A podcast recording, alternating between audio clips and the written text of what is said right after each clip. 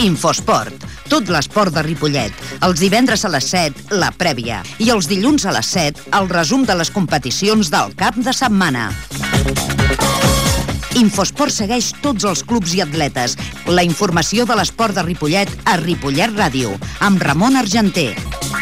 Jugues?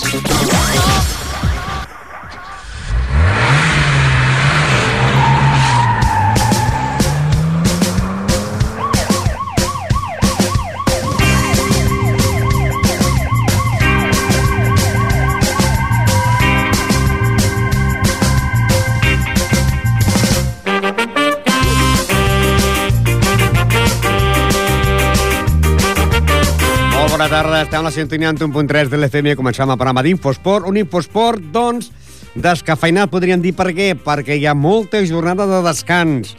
Per fer el programa d'avui tindrem a les vies de so Fralladiu, que us parla Ramon Argenter. Hem de dir que en el món del futbol sí jugarà el Ripollet, sí jugarà la Penya Partida Pajaril, sí jugarà l'Escola de Futbol Base, sí jugarà a l'Esdila i també el Futbol Sala Lliga Nacional. Però tindran jornada de descans l'equip del Futbol Sala Ripollet B, els dos equips de Futbol Sala Femení Can Clos A i Can Clos B, el, els equips de bàsquet del Club Bàsquet Ripollet, la Vell Gasó i el femení Ripollet. També tindrà jornada de descans al handball i el hockey, jornada de descans la primera i segona divisió del món del tennis i jornada de descans a les lligues nacionals del món del tennis taula.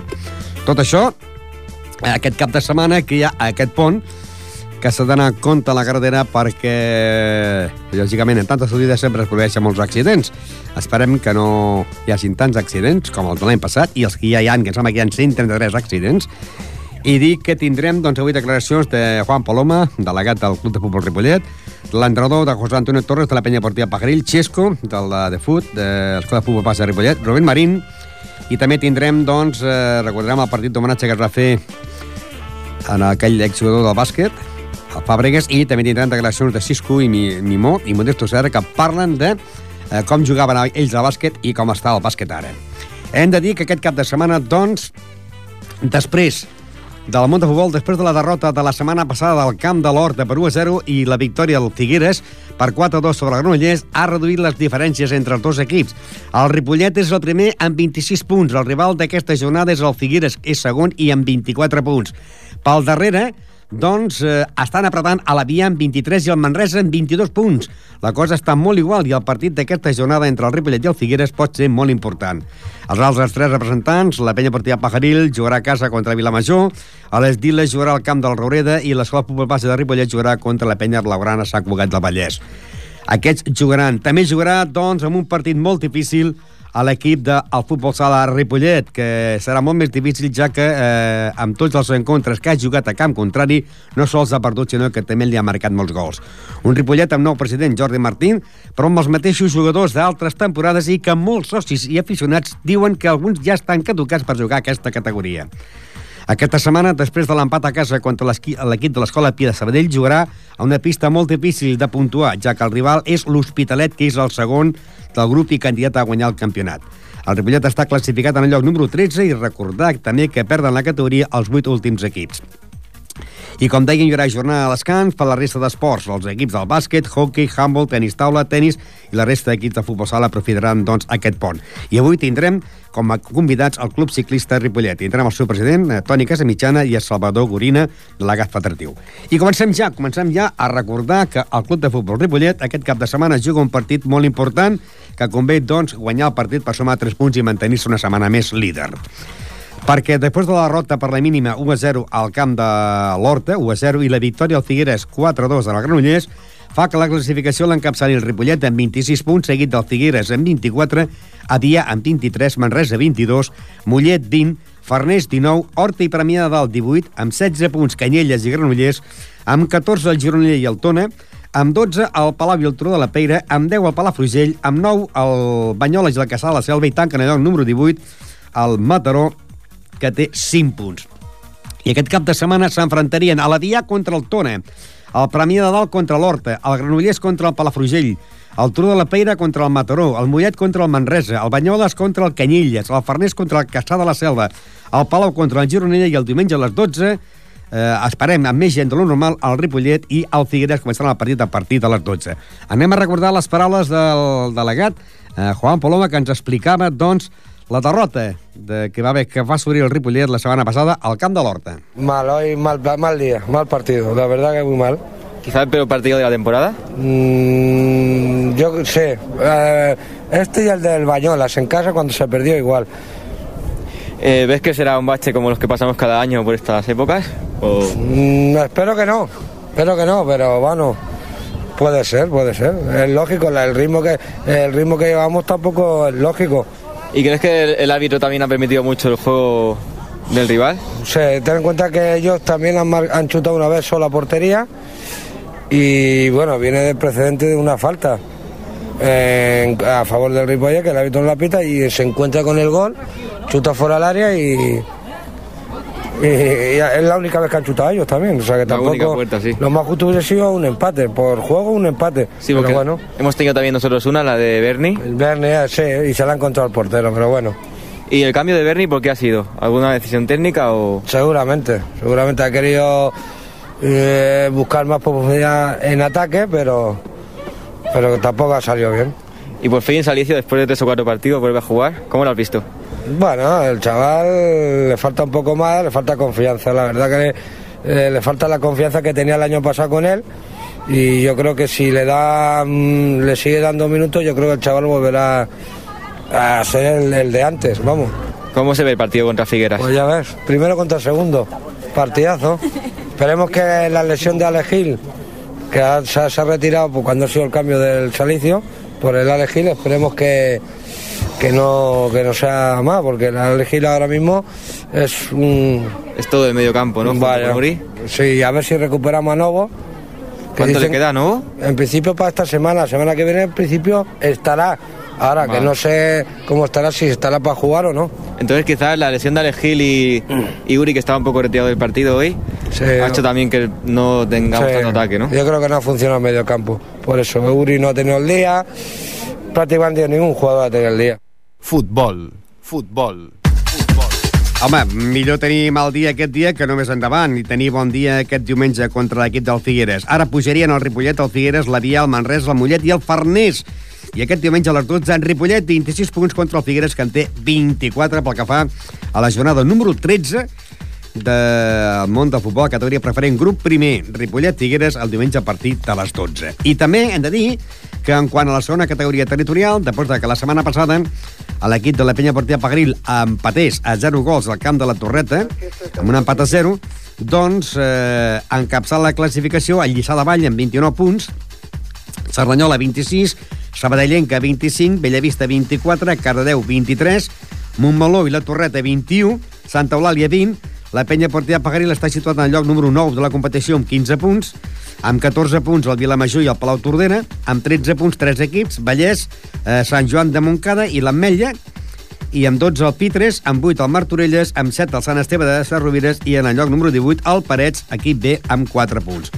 Aquesta setmana s'enfrontarien l'Ametlla i el Pitres, el Parets i la Torreta, el Sabadellenca contra el Sant Joan de Montcada, el Lliçà de Vall contra el Vallès, el Cardedeu contra el Martorelles, el Santa Eulàlia contra la Cerdanyola, el Sant Esteve contra el Montmeló, el Bellavista contra el Palau Tortera i la Penya Portilla Pajaril contra el Vilamajor.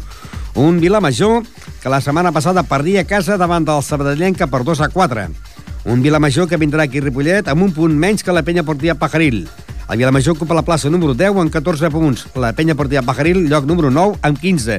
Però el, el segon entrenador, José Antonio Torres, diu que que, que això, clar, eh, és el que deia, que pot variar perquè un guanya i l'altre perd. Anem amb José Antonio Torres. Sí, pero es que esto es lo que decíamos, son son son equipos que, que, que no... A ver, eh, eh, por ejemplo, San Antonio, si no recuerdo mal, le ha ganado tanto a al Gisá como a... A ver si me acuerdo el nombre. El, bueno, el equipo que nos metió 6 a 1 a nosotros. El que iba primero también. El Montmeló. Montmel, el Montmeló, ¿no? Va primero. No, no, el ¿Cuánto empezó la liga? Cardedeu. Ah, el Cardedeu. O sea, dos equipos de arriba del todo de la, de la- de la liga les, les ha ganado a los dos. O sea, que, que, que no sabes con qué te vas a encontrar. Eh, el Vilamajor esta semana ha perdido en casa frente al Sabadellenca 2 a 4. O sea, Sí. vendrán aquí quemados, ¿no? Bueno, intentará, imagino que querrán, querrán como nosotros ganar el partido. O sea, aquí es, es que este grupo, como, como te descuides un poco, bajas tres o cuatro puestos o subes un par de ellos o tres, o sea que, que la cosa está muy, muy igualada. Pero ahora os tocará ese partido que va por tres puestos y una victoria mm, lo dejáis ya para atrás a ese equipo de Vilamayor y el Palau Tordera que están con 14 puntos. Sí, vamos a ver, esta es nuestra, intención, a hacer bueno el empate que hemos sacado fuera, sacando los tres puntos en casa. Eso nos daría ya un pequeño colchón del cual nos quitaríamos de esos seis puestos que bajan que bajan a, a cuarta catalana. De momento estaríamos fuera de, de- de esa situación. Claro, que sería esa la intención vuestra, ¿no? Mantener esa categoría, ¿no? Sí, sí, eh, quedarnos en tercera catalana. Futbol, futbol. És la intenció de la penya que t'has la tercera categoria tercera catalana. Eh, anem per a la tercera territorial, el grup número 15, on tenim dos representants, l'Escola Futbol Base de Ripollet i a l'equip de l'Estila. La setmana passada, l'equip de l'Escola Futbol Ripollet va guanyar en el camp del Nou Vallès per 0-2 en gols d'Ismael i de David, i que l'Estila va perdre al camp de la Planada, un equip que va líder, doncs va perdre per 2 a 0. Aquesta setmana s'enfrontaria... Anem a repassar la classificació primerament. La Planada té 19 punts. Atenció perquè la cosa està molt apretada i podria haver canvi de líder aquesta setmana. La Planada, líder, 19 punts. Júnior, 19. Badia del Vallès, 19. Marina, 18. Escola Futbol Base Ripollet, 17, en el lloc número 5. En 13 punts, la Fargil i la Penya Blaugrana Sant Cugat de Vallès. Amb 12, el Mirasol. Amb 10, el Roureda. Amb 6, 3 equips, la Fundació, la Unió Salut i el Can Colapi de Terrassa. I en 3 punts, en el lloc 13, l'Esdil amb 3 i el Nou Vallès amb 4, amb 3 punts. En aquest grup és de 14 equips. Anem a recordar les paraules de l'entrenador Xesco, l'entrenador de l'equip de l'Escola Futbol Base de Ripollet, que aquesta setmana jugarien contra l'equip de el, la penya Blaurana Sant Cugat de Vallès, que anava líder, i va anar líder fins que aquí l'Esdil el va guanyar. Ara, eh, a l'equip de l'Escola Futbol Base de Ripollet, que va guanyar ze- 0-2 al camp del Nou Vallès, doncs rebrà la visita de la penya Blaugrana, que va guanyar 5-2 al ca aquí a casa seva davant de la Unió Salut de Sabadell, i que la penya Blaugrana ara ha passat a ocupar el lloc número 7 amb 13 punts. L'entrenador, doncs, eh, Xesco, diu que, que sí, que primerament també recordava el partit que van a jugar amb la Marina. Bueno, sí, luego fue al campo de la Marina y perdió allí en el campo de la Marina, perdió también, por lo que me han dicho gente que estuvo viendo el partido, perdió en el último minuto, iban 1-1 con la Marina. Y en campo de la Marina y perdió 1-1, marcó la Marina en el último minuto. ¿Qué dicen los jugadores eh, al ver que estáis ahí arriba y que podéis conseguir el liderato dentro de unas pocas jornadas? Hombre, pues de momento yo lo que procuro es que tampoco haya mucha euforia, mucha euforia, porque la euforia es mala y quedan todavía muchos enfrentamientos directos y queda todavía para acabar la primera vuelta nos quedan uno, dos, cuatro partidos, cinco partidos con de esta semana. Lo que pasa que estando ahí a dos puntos del líder y que hay varios equipos que están... eh, estáis... eh, la Plana 19, Junior 19, Badía de Valles 19 y Marina 18, vosotros 17. Esto da ganas y da en moral de poder jugar y ganar los partidos. Hombre, desde luego, si no tenemos ahora moral y tenemos ganas y, y ahora no podemos todo lo que haya de, nu- de nuestra parte por intentar irnos para arriba, no sé cuándo, ¿no? O sea, de momento se está poniendo bien la cosa, ahora viene la Peña Blaugrana, luego vamos al campo del Badia, ahora vienen una serie de partidos que yo creo que es lo que va, va a marcar un poco el rumbo de la temporada. Cuando acabe la primera vuelta, Ramón, veremos dónde estamos porque ya nos habremos enfrentado todos con todos y entonces es el momento de hacer números y de empezar a, a creérselo de verdad o, o a ver si está la cosa complicada, ya se verá. ¿Y tienes la plantilla dispuesta para esta semana? Sí, sí, tengo, la verdad es que tengo solo un, un par de tocados, pero los demás están todos al 100%. Futbol, futbol. Doncs bé, jo crec que aquesta setmana hi pot haver canvi de líder. Pot ser el, el, el líder, el júnior, i la segona plaça per a l'equip de la de, del el Club Base de Ripollet. Per què? S'enfrontarien el júnior contra la Fundació. I el júnior és eh, líder, empatant en 19 punts amb la Badia del Vallès i la Planada. Júnior, la Fundació. Can Colapi, eh, Nou Vallès. La Unió Salut, Badia del Vallès. Marina, Mirasol. La Farga, la Planada, que és l'actual líder. L'Escola Futbol Base de Ripollet, diumenge a les 12 contra la Pella del Blana Sant Cugat de Vallès i el Raureda contra l'Estila. El Roureda, eh, la setmana passada perdia el camp del júnior 3 a 1 i el Roureda en aquests moments està eh, situat en lloc número 7 amb 10 punts que s'enfrontarà contra l'Esdila que ocupa la plaça número 13 amb 3 punts. Roureda Esdila, diumenge a les 12. Anem a recordar les paraules del seu entrenador, Rubén Marín, que diuen que amb els equips a dalt eh, juguen més motivats. Bueno, yo creo que depende de la motivación de los jugadores. Hay días que parece que no vengan con ganas de jugar y hay días que se quieran comer el terreno del juego, como el domingo en este caso. Y esta, y esta semana volviste a jugar en campo contrario, jugáis en el campo de la Raureda. Sí, bueno, en principio creo que va segundo clasificado, también es un campo de tierra. Y bueno, veremos, recuperamos gente en principio y vamos a ir a, a luchar a tope, a ver si conseguimos algo positivo. Un Robreda que esta semana pues eh, viene de perder contra el Junior por 3 a 1. Ujú. Bueno, el Junior yo creo que es el mejor. Junto, yo creo que el equipo que jugamos esta semana, el, el- al que yo he visto que practicar mejor, mejor fútbol, hacer más toque y bueno, lo he visto mejor que cualquier otro equipo, pero el Junior ahí en casa pues nos hizo un, un destrozo. Y no, yo creo que eso- el Junior es, el equipo que está en principio para estar arriba de la competición. Eh, de todos los equipos que habéis jugado ya, Sí, ¿cuál es para ti el mejor que has visto el de este domingo. en la planada? Sí, o sea, el- ah, tal vez no tuvieron suerte cara al gol o bueno, no sé, o nosotros a lo mejor corrimos demasiado y les, les complicamos las cosas. Nosotros nuestro problema es que no tenemos gol, pero su medio centro, su, su central jugaba- jugaban con tres defensivamente, eh, tocaban muy en corto, buscando paredes, cambios de juego, la verdad está bastante bien. O sea, para ti el mejor equipo de los que habéis jugado hasta ahora es el equipo de la planada. Sí, yo creo que sí. Por lo visto hasta ahora sí. Y ahora jugaréis, como decíamos, con el Robreda y mm, has dicho que todavía, podrás contar con, los jugadores que están lesionados o, o- o sí. En principio, bueno, está- tenemos algún jugador aún tocadito que esta semana pudo disfrutar pocos minutos y bueno, algún jugador más que tampoco pudo venir por, por trabajo y bueno, esperamos contar con ellos este domingo. Futbol sala. Futbol sala. Futbol sala. I anem al món del futbol sala, Lliga Nacional, perquè la resta tindran jornada de descans, però aquest cap de setmana el Ripollet juga a una difícil pista com és l'Hospitalet, que és el segon de la Lliga. Després de que la setmana passada doncs, empatés a casa davant de l'Escola Pia de Sabadell amb un empat a 4, amb dos gols de Toni i dos de Sergio Oruj. Líder, els Plugues amb 31 punts i es quedarà amb 31 punts perquè aquesta setmana té jornada de descans a l'equip de les Plugues, per tant no puntuarà.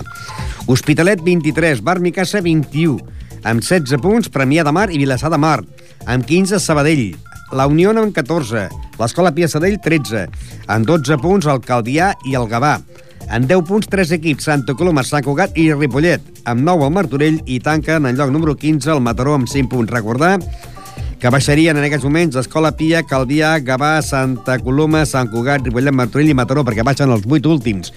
I el calendari d'aquesta setmana doncs seria Mataró, Sant Cugat, Vilassar de Mar, Bar Micasa, Calvià, Sabadell, Santa Coloma, La Unió, Escola Pia, Gavà, Premià de Mar, Martorell descansaria, eh, descansarà, més ben dit, a l'equip de les Plugues i el dissabte a partir de dos quarts de set, Hospitalet Ripollet. Un Hospitalet que, com dèiem, és segon a la Lliga amb 23 punts i un Ripollet que ocupa la plaça número 13 amb 10 punts i està en zona de descens directe però com que la cosa està molt apretada des del penúltim, que té 9 punts, que és el Martorell, sense descomptar el Mataró, que en té, en té 5, Uh, fins al lloc número 7 de la competició hi han doncs, eh, 14 punts i, entre una, i una diferència de dos punts entre el Gavà i el Calvià i, tre, i 3 punts sobre l'Escola Pia. O sigui que una victòria d'un o altre es pot posar a dalt de tot. A dalt de tot, o sigui, pujar, eh, pujar aquesta escala de, de no baixar com a tercer i baixar com a setè de la cua, no? Però, eh, clar, eh, has d'anar apuntuant i crec que tindrà el partit molt difícil perquè l'Hospitalet és un dels candidats a pujar de categoria, el mateix que les Plugues, i en aquests moments l'Hospitalet doncs, eh, és el segon de la Lliga amb 23 punts. I un Ripollet que és el lloc número 13 amb 10 punts. Aquest dissabte, a partir de dos quarts de set, Hospitalet-Ripollet.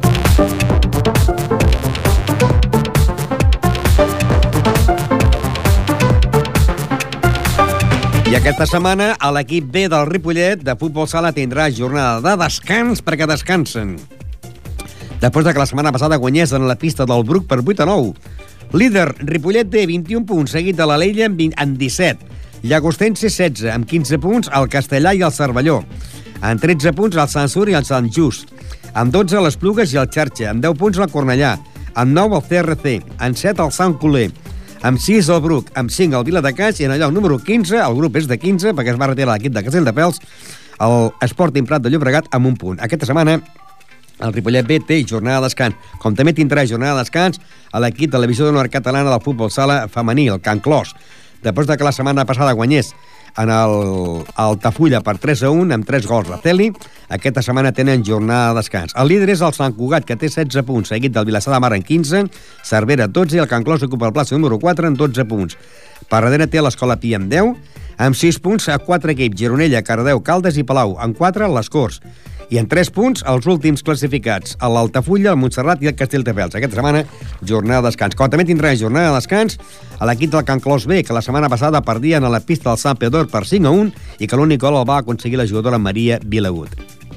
Líder, Sant Feliu amb 15 punts, seguit del Sant Pedor amb 12, Arenys de Munt 10, Arrels 9, amb 6 punts l'Hospitalet del Can Clos B, el Centelles amb 5, amb 4 punts el Mistral, les Corts i la Penya Blanc i Blava Sant Andreu i en 3 punts el Taller i el Santa Coloma de Gramenet.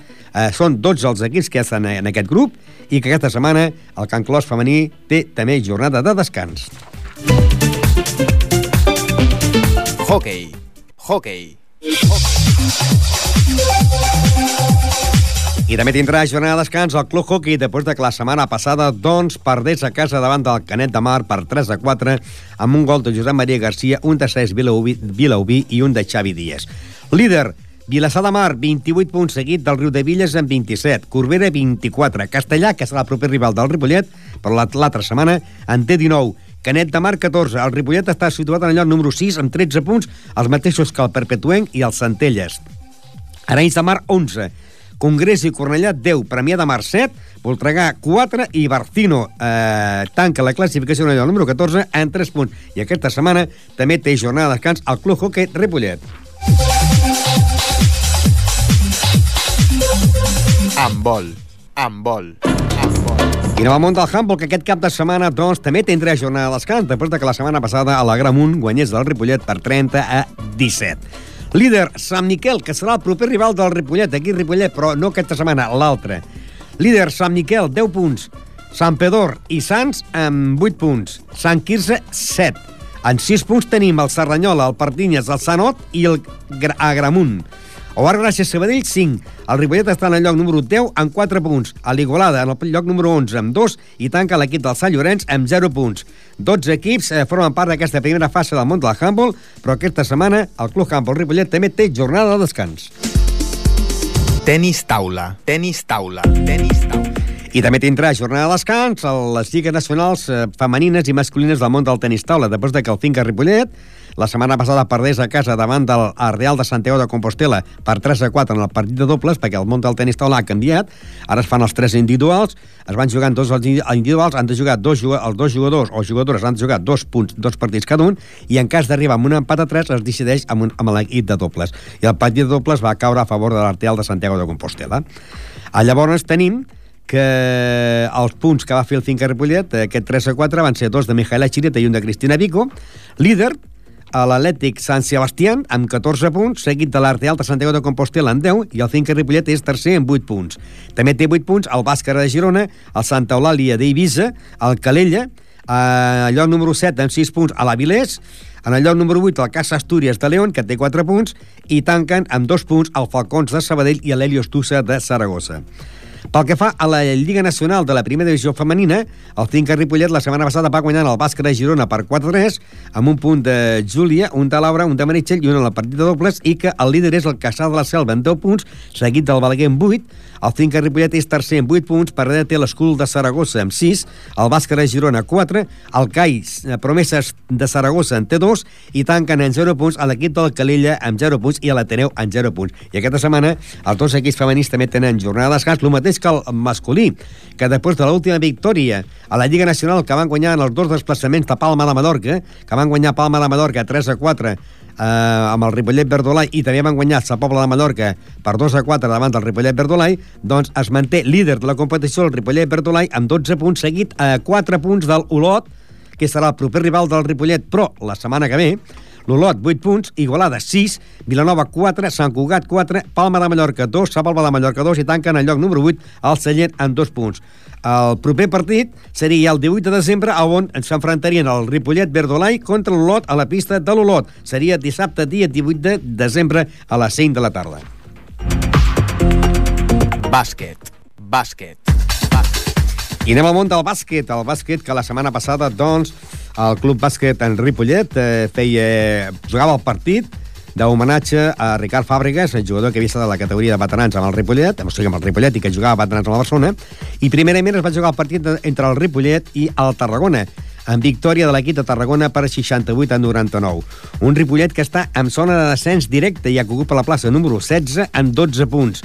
També baixaria l'equip del Vilanova i la Geltrú amb 13 punts i promocionarien Morell, eh, Serranyola, Salou i Sant Boi eh, farien la promoció per mantenir la categoria. Aquesta setmana tenen jornada de descans, no jugaran fins al dia 11 que jugaran a la pista del Gavà. Un Gavà que és novel·la Lliga amb 9, amb, en el lloc número 9 amb 16 punts. I li preguntàvem, mentre estàvem veient aquest partit, li preguntàvem a Cisco Mimó, exjugador del Club Bàsquet en Ripollet, doncs, eh, que com veia, quina diferència hi havia en el món del bàsquet quan ell jugava ara a l'actualitat.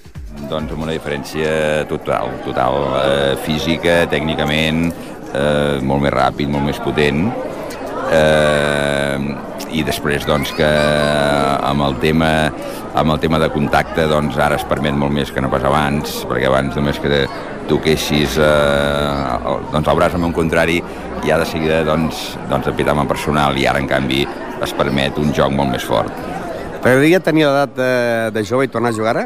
Home, i tant que m'agradaria. Tal com se jugar ara? Sobretot per l'edat, eh? Sobretot per l'edat. Sí, home, ara es fa un bàsquet, un bàsquet fantàstic, sí, sí, sí, sí, sí. I abans, amb la seva època, doncs també, també, perquè també disfrutàvem, no? Però em refereixo que ara doncs seria, seria extraordinari, sí, sí. Bàsquet. Bàsquet. Bàsquet. Sí, és com. Eh, el partit va acabar doncs, amb la victòria de l'equip del Tarragona 68 a 99, el primer quart 20-22 eh, 32 a 45 en el descans i a partir d'aquí ja el Ripollet sempre, sempre, sempre, no sé què, què passa, si, no és, si és que no té fondo físic o què, però a partir d'aquí ja perd el Doleremus. Eh, 58 a 71 al tercer temps i 68 a 99 al final del partit. També es va jugar, aquest partit es va jugar, doncs, eh, a llavors el petit de veterans d'homenatge a Ricard Fàbregas, a la que jugaven doncs, eh, en presència de l'alcalde de Ripollet, Juan Paralejo, de Javi, de Javi Peñaranto, delegat, de, delegat d'Esports de Ripollet, el senyor Piquet, eh, últim dia que dirigia la presidència de la catalana, perquè ara és el senyor Fa, exjugador de Badalona, que és el nou president, eh, també dia Carlos Santillana, que era el president de l'agrupació de veterans, i jugadors com Montes i Galilea, i els veterans van acabar doncs, eh, guanyant el Barça per 50-70. En el primer quart, 15-17, el segon quart, 32-34, el tercer quart, 36-3-61 i en l'últim quart, 50-70 favorable al, al, al Barça. Hem de dir que també li van preguntar al Modesto Serra com veia, si al Mimó li preguntàvem com veia el bàsquet de l'actualitat, a Modesto Serra, exjugador, li preguntàvem com veia el Ripollet. I va ser curt, breu i efectiu. Molt. Molt fluixet, oi? Molt, molt. Què li falta a aquest equip? Bueno, algun veterano. En principi, com a mínim, algun veterano, perquè tots són molt joves i perden moltes pilotes, no defensen, vull dir, els hi falta algú que els guiï dintre el camp. Bàsquet. Bàsquet. Bàsquet. Doncs bé, també hi haurà doncs, descans pel Club Bàsquet Ripollet, com descans també de la Bellgasó, després de que la setmana passada guanyés en l'equip del Montigalà Badalona per 65 a 46 tindrà jornada de descans i no es jugarà ja fins eh, contra el Pallejà el dia 12. L'equip de l'Àvia Gasó ocupa la plaça número 8 amb 13 punts i el líder és el Vila Salle de Montcada. I aquesta setmana, com dèiem, tindrà jornada de descans, com també tindrà jornada de descans el bàsquet femení Ripollet, que la setmana passada, atenció al resultat, perdia per 23 a 99. 23 a 99 amb un equip que l'anterior setmana havia guanyat de 114 punts a 28, com és l'equip del Cornellà, líder de la competició. El bàsquet femení Ripollet ocupa el plaça número 11 amb 12 punts i la, aquesta setmana té jornada de descans i no es jugarà fins al dia 11, dissabte, a partir de les 4 de la tarda, contra el Club Bàsquet Roquetes. Això és tot en quant al món del bàsquet, que el bàsquet de Ripollet, la Bellgasó i Ripollet femení també tenen jornada de descans aquest cap de setmana. Tenis. Tenis. I també tenen eh, el Club Tenis Ripollet, també té jornada a descans, després que l'equip de més de 18 anys de la segona divisió guanyés la setmana passada eh, el Castellbisbal per 5 a 0, amb un punt d'Àlex Moya, un punt de Carlos Moreno, un punt de Lucas Nahuel, un punt de Carlos Carreras i un punt en el partit de dobles. Aquesta setmana tenen jornada de descans. La classificació l'encapçala el Laietà amb 9 punts, seguit de Vilanova, l'Eix del Trum 9. El Ripollet és tercer amb 7 punts, els mateixos que les Moreres, que a la Pobla de Claramunt i que el Vilanova del Camí, amb 5 punts al Castellbisbal i amb 3 punts tenim el Sant Llorenç d'Hortons, eh, el Centre Esportiu Universitari i l'Esportiu Hispano-Francès. Això pel que fa a l'equip de mm, segona divisió. I pel que fa a l'equip de la primera divisió, també tenen, de jugadors de més de 40 anys tenen jornada de descans i no jugaran ja fins a la següent setmana, que seria eh, contra l'equip del Sant Andreu de la Barca van tenir jornada de descans i el dia eh, no jugaria, eh, seria contra el Sant Andreu de la Barca. Ara hem de dir que el líder és l'hispano-francès, que té 3 punts, seguit del Club Tenis Camp Malic amb 3, Club Tenis Olesa 3, i amb un punt tenim el Tenis Ripollet, el Vilanova i la Geltrú, el Sant Andreu de la Barca i, en l'últim, el lloc número 7, a l'equip de Sant Sadolí de Noia amb 0 punts. Aquesta setmana el Club Tenis Ripollet també té jornada de descans. Ripollet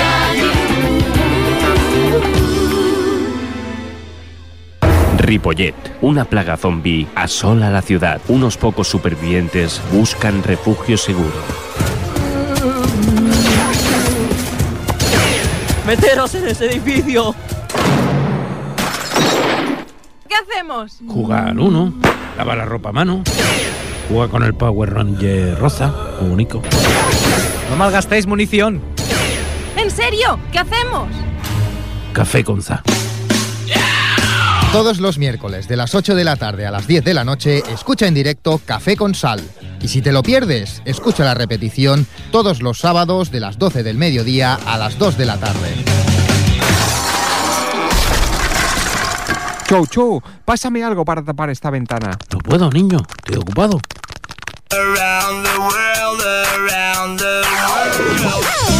Sintonitza Ripollet Ràdio siguis on siguis. Escolta'ns des de qualsevol part del món. Ripollet Ràdio a internet. Entra a ripollet.cat i sintonitza.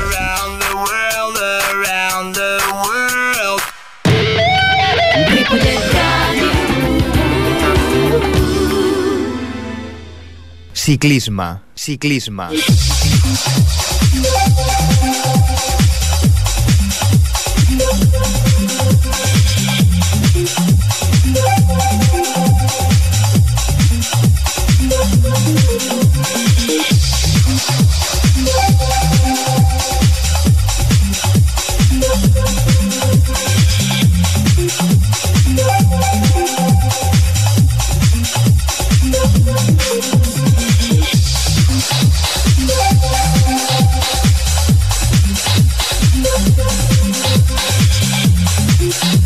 Continuem en directe, i tal com hem dit al començament del programa, ja tenim en directe aquí el Club Ciclista Ripollet. Salvador Gorina, bona tarda. Bona tarda. Eh, arribem amb un pont, amb un pont de que molta gent se'n va fora. El Club Ciclista Ripollet sempre se'n va fora, però eh, el pont aquest feu vacances, però és que a més a més feu vacances perquè ja heu acabat la temporada esportiva en quant al món del ciclisme, no? El cicloturisme. Sí, ja s'ha acabat la temporada. La temporada realment de carretera pròpiament va des del març fins al fins a final d'octubre i després ve l'hivern i realment eh, es descansa, però amb aquesta nova modalitat de mountain bike o la bicicleta tot terreny, perdó, si parlem diguéssim d'una manera autòctona, la bicicleta tot terreny, doncs la gent no, no acaba de deixar la bicicleta. I a més a més el Club Ciclista Ripollet també té la modalitat de bicicleta tot terreny que es pot dir que es practica tot l'any. Ara es pot dir que és la, les sortides de la, del cicloturisme. Vacances, però sí la de tot terreny, no? Per muntanya. Sí, sí, sí, aquesta és permanent, és permanent, no té, no té pràcticament aturada, tret de l'agost, perquè moltes vegades doncs, la família i les vacances d'estiu doncs, tenen unes obligacions familiars. Aquí tinc doncs, el calendari de competició que heu estat fent les sortides, va, fer, va començar, com deies, el mes de març, va fer quatre sortides, eh, amb un recorregut al mes de març de 515 quilòmetres. Al mes d'abril vau fer tres sortides amb un recorregut de, 3.800, eh, de 386 quilòmetres. Al mes de maig, cinc sortides, 572 quilòmetres. Al mes de juny, quatre sortides, eh, 453. Llavors tenim el juliol, que en vau fer 4 amb 386. Al mes de setembre, 4 amb 454. I tenim a l'octubre, que vau fer 5 sortides amb total de 524 i heu fet un total de 29 sortides i amb un recorregut de, eh, de 3.290 quilòmetres. Pocs o molts? No, està bé per ser la modalitat de cicloturisme.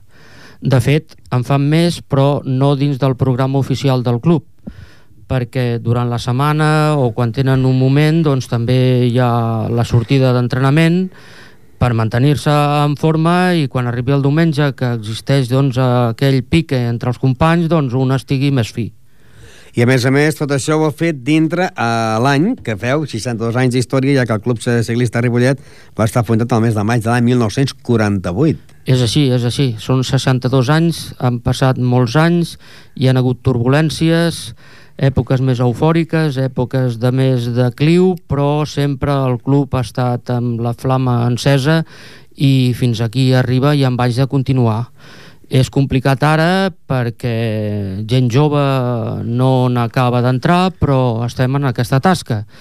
La tasca de la Junta actual és intentar mantenir aquesta continuïtat i agafar gent jove. Per això portem gairebé 5 anys parlant amb el Patronat Municipal d'Esports de Ripollet i anem darrere de que Ripollet tingui un circuit permanent asfaltat perquè si no és així la mainada o la gent, els nanos no van a la carretera per por familiar i tampoc van al BTT perquè per, abans d'arribar a la muntanya doncs s'ha de passar per algun lloc que també hi ha cotxes al Club Ciclista Ripollet, que jo no sé si ho han parlat amb el Club Ciclista Ripollet o amb socis o gent veterana, que el Club Ciclista Ripollet va començar potser amb un altre nom al carrer Calvari.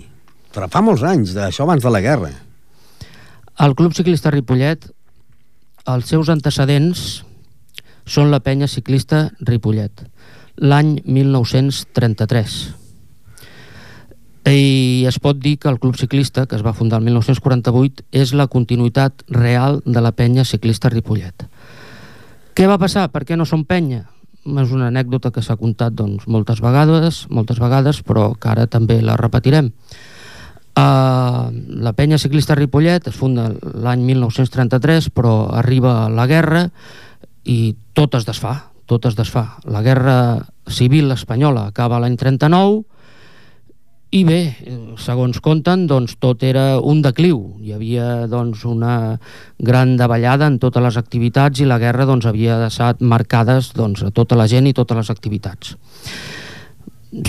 Mica en mica, la societat es refà i l'any 1948 ja aquí hi ha un grup mm, encapçalat, bueno, encapçalat per en Joan Ricard, que va ser el president sí, va ser el president a, a, del 1948 i tenia doncs, com a outsiders, ara es diu així, no? en Tonet Casamitjana, en eh, Pere Cartanyà, Cartanyà i Joan Morera, a banda d'altres, però aquests mm. eren els més significatius, aquest quartet. Eh, van decidir, doncs, continuar amb la penya ciclista Ripollet, però va passar que la federació els va exigir que paguessin els diners... Algun deute que va quedar diners, pendent. No, no, els diners, la quota anual per ja, dir alguna ja. cosa des de 1939 fins a 1948.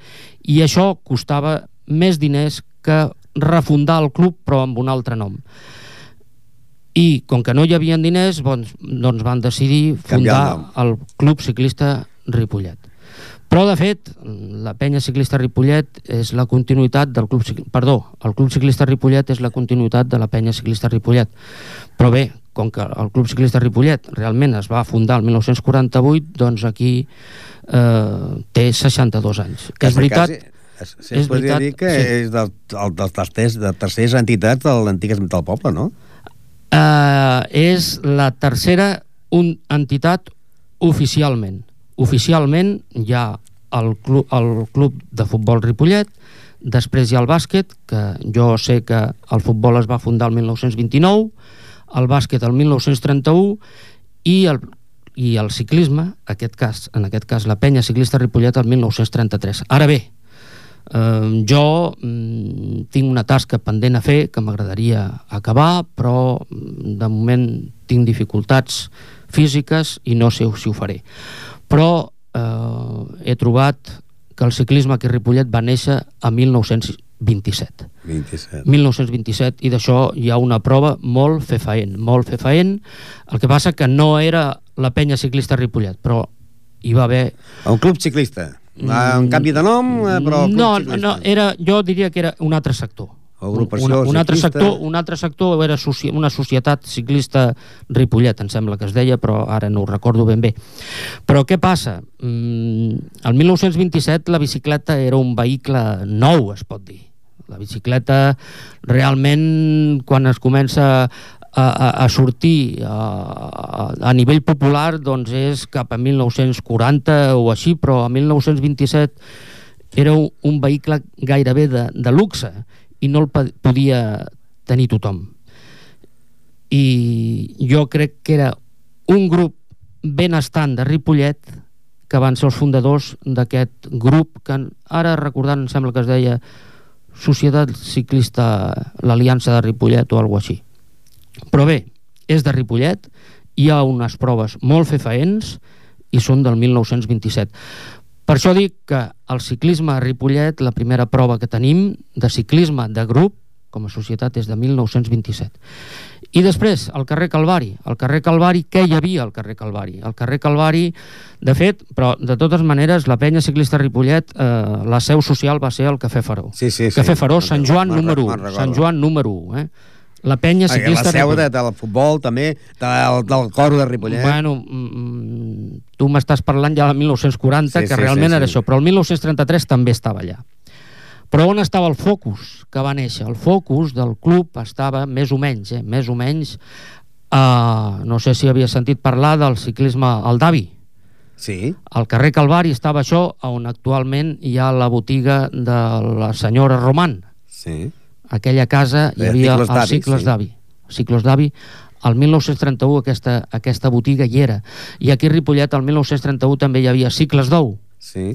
Eren I l'altre, que estava al carrer Antic Maria Torres, que no em recordo com se diu. No, aquest, Víctor, era, el, Víctor. aquest era el Víctor, però, Víctor. però estic parlant sí, sí, sí. cicles d'avi 1931, Sí, sí, sí. cicles d'ou 1931 i ara el que em dius eh, cicles Víctor. Víctor, això, sí, el Víctor és del 1950-60 més aviat 55-60 més aviat el Víctor I ara pràcticament hi ha alguna casa que arregli bicicletes de Ripollet? Bueno, el Gonzalvo, El Gonzalvo, el Gonzalvo. Cicles Gonzalvo. Sí, sí, sí. Però sempre n'hi ha hagut, eh? Clar, això... T'estic parlant de les coses que tinc al cap, Sí, sí, perquè sí, he sí, recollit informació. He recollit informació i, i vull dir, això està, està aprovat. Està aprovat. No? I tornant enrere ara, eh, aquest any per la festa major, jo crec que va ser la partició, la participació de gent més important de, des de que es fa el canvi de- d'estil en el, el, per la festa major, no? Bueno, hi ha hagut una, una participació important mm, i es va canviar una mica de format. O sigui, el patronat municipal, per iniciativa del patronat municipal d'esports, vam estar parlant i ells van voler canviar amb el nostre assessora- assessorament tècnic una mica, no? que perquè el Club Ciclista Ripollet a les proves de la festa major per, participa com col·labora ajudant tècnicament i, i diguem i posant braços, no? que es diu i fa dos anys vam, vam voler canviar, es feia una competició allà dalt als Pinatons i vam voler canviar com una cursa, bueno, cursa, una passejada popular, una sortida popular i tot això. Això enganxa més, això enganxa més, per què? Mm, Bueno, doncs primer perquè, perquè no és tan competitiu i la gent competir li costa més que passejar, per dir alguna cosa, encara que els de davant corrin, però no, no és el mateix, però té més, més, més, més, més acceptació, acceptació. I aquest any que estem dins encara el 62 aniversari, que serà fins al, al maig del 2011. Exacte, sí. Eh, teniu, heu fet alguna especial o voleu fer alguna especial? No, no, només. En principi, en principi la, les efemèrides realment en el món de l'esport i tothom doncs, són les, els cinquantenaris, que ja ho vam fer amb una expo- exposició el 1998 aquí al Centre Cultural, que creiem que va quedar molt bé, i molta d'aquesta informació que he parlat al principi doncs estava allà exposada, algunes coses d'aquestes, i bé, i la propera doncs eh, als 75 anys per dir alguna cosa. Als 60 vam fer una miqueta, potser als 70 un però, sopar però de germanor amb les viejas glòries no s'ha fet una, una recuperació, no? no es va fer és que normalment aquesta, aquesta final de temporada l'aniversari que fem ja se celebra amb un àpat però és un esmorzar no? És un esmorzar i excepcionalment s'ha fet algun dinar I també hem de dir que no ha pogut venir per motius de feina doncs el president Toni Casamitjana, mm -hmm. que és una persona que sempre ve, el que passa que els motius de la feina Ah, està, està ocupat, eh, està ocupat. d'aprofitar quan hi ha feina amb aquesta crisi que hi ha. Ah, això mateix, això mateix sí, sí, Uh. Club Ciclista Ripollet, eh, Salvador Gorina, que tu que anys portes ja en el club? Bueno, jo porto... En tenia 17, perquè ja et dic entre els papers que he trobat... No, no? en tenia 17 quan a la millor ja vaig acceptar alguna tasca de junta, però realment vaig començar als 15. O sigui, porto arrelat al Club Ciclista Ripollet 45 anys. I d'aquests 45 anys, quantes bicicletes has tingut? Bueno, n'he tingut, a veure... Uh, dues. Dues només? O tres, potser. No, bueno, bueno, si contem les de competició, dues. Sí, el que passa que me l'he anat reformant. La que tinc actual està molt obsoleta, molt obsoleta, però me l'he anat reformant, més o menys. I reformar què és? Que el canvi reformar és són els diferent? canvis i tot això, tret, de, tret del, del quadre, pràcticament tot. Ara si us volgués comprar una bicicleta per dir, "Ei, vull venir amb vosaltres cada diumenge quan comença la temporada, que la comenceu doncs, al mes de març, no? Eh, què pot valdre una bicicleta? Que diguis, mm, no de competir com, com la Volta a Catalunya, ni el Giro, ni el Tour, però sí en qualitat per anar a Olesa de Montserrat i que no em passi res. Mm, Doncs a veure, uh, jo diria mm, 1.000 euros a partir de 1.000 euros. A partir de 1.000 euros. I la més barata?